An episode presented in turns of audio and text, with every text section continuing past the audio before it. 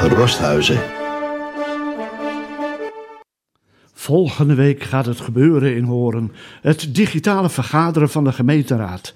Volstrekt nieuw en ook nieuw is het voorstel waarover dinsdag digitaal gebakkeleid mag worden. Een mandaat verstrekken aan het college om ter leniging van coronale noden maar liefst 2 viertiende miljoen te kunnen inzetten zonder dat daar eerst in fractie, commissie en raadsvergaderingen een mening, kan, een mening en richtinggevend besluit over mag worden geformuleerd. Het is crisis. En in crisistijd wordt duidelijk hoe stroperig besluitvorming in een gemeenteraad tot stand komt. Voordat de put gedempt is, zijn er hele kuddes kalveren verdronken. En zo hoort het nu eenmaal. En dat is juist het prettige van echte democratie. Geen overhaaste besluitvorming.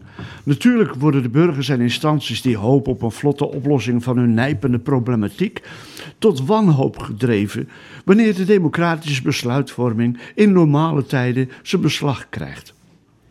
Een raadslid wordt geacht besluiten goed te keuren en de altijd te krappe begroting noopt tot serieuze en precieze afweging van belangen. En je hebt, omdat het echt democratisch is, altijd van die fracties die tegen iets nobels zijn of willen kiezen voor oplossingen waarop een flink deel van de burgerij juist niet zit te wachten.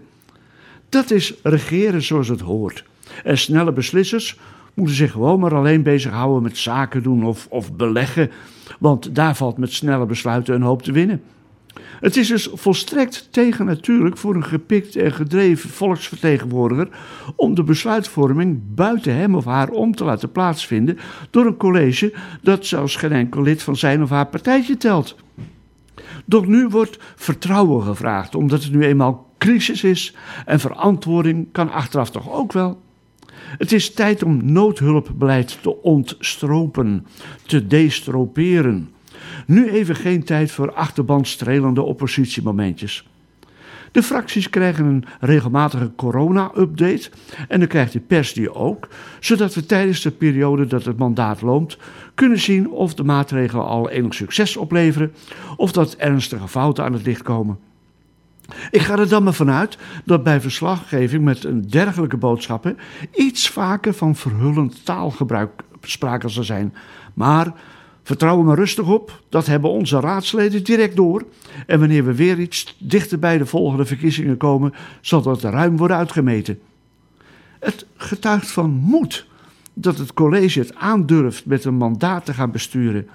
Natuurlijk klinkt het mooi wanneer je even de handen vrij hebt om te doen wat je denkt dat goed is, zonder het wekelijks gejeremieerd dat de raad niet gekend is in de besluitvorming.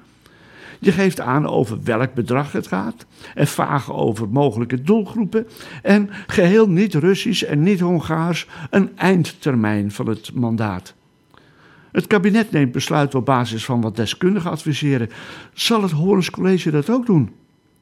Nu gaat het adviseren over de medische en sociale aanpak van een virusuitbraak en niet over het oplossen van de economische problemen.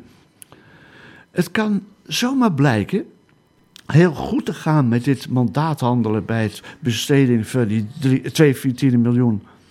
Dan is het de vraag of je als raadslid teleurgesteld dient te zijn, omdat duidelijk is dat je er af en toe niet toe doet.